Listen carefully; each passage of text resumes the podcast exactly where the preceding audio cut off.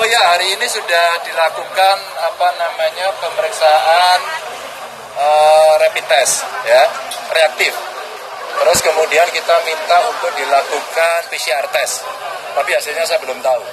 Sudah dilakukan uh, perbaikan-perbaikan beberapa yang sifatnya tidak langsung medis kita minta work from home terus kemudian kita kerjasama dengan rumah sakit di UNS karena kita harus melakukan tracing apakah ini dari dalam atau dari luar.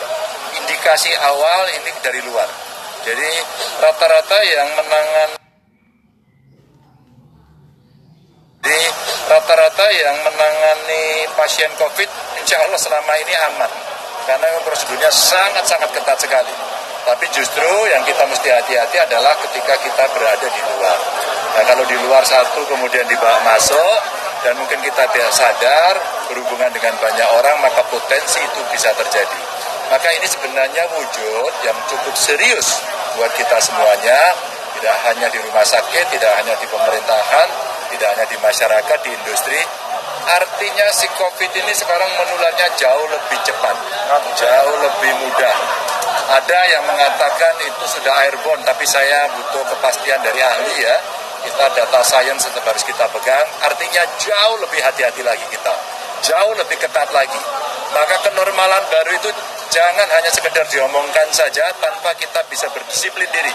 Ya, kalau enggak jangan gambling. Ya, gas dan rem perintahnya presiden mesti dilaksanakan. Kalau posisinya seperti ini ya, ayo remnya diinjak, remnya diinjak. Apa pun alasannya, komponen-komponen masyarakat yang kepingin sudah kebelet pengen beraktivitas, tolong dong tahan diri mari kita sesuaikan dengan kondisi wilayah. Tidak bisa diseragamkan semuanya. Ya, cak sih.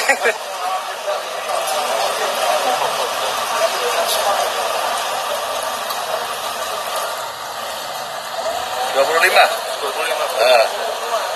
Total. Jadi hari ini 20, 25 yang kita apa lakukan uh, pemeriksaan apa rapid dan ada reaktif ya dan kemudian kita lakukan tindakan, jadi tracing kontak ya, semuanya seperti biasanya. Terus kemudian pemeriksaan swab pada dokter, perawat, petugas yang berisiko tinggi. Lalu kita sudah menyiapkan pengurangan kapasitas bagi uh, pendidikan dokter muda, ya. Lalu mengurangi residen yang bertugas. Yang lima mengurangi karyawan non medis yang bukan struktural sebanyak 50 persen Terakhir menerapkan protokol yang makin ketat, termasuk membatasi jumlah pengunjung pasien. Ini tindakan yang sampai sore ini telah dilakukan. Bapak? 25 itu Ya kita tunggu. Kalau ini dokternya sudah pasti paham. Apakah nanti dirawat atau diisolasi. Kalau mereka dengan gangguan pasti harus dirawat, nggak bisa nggak. Tapi kalau mereka tanpa gangguan harus diisolasi uh, dengan cara-cara yang ketat.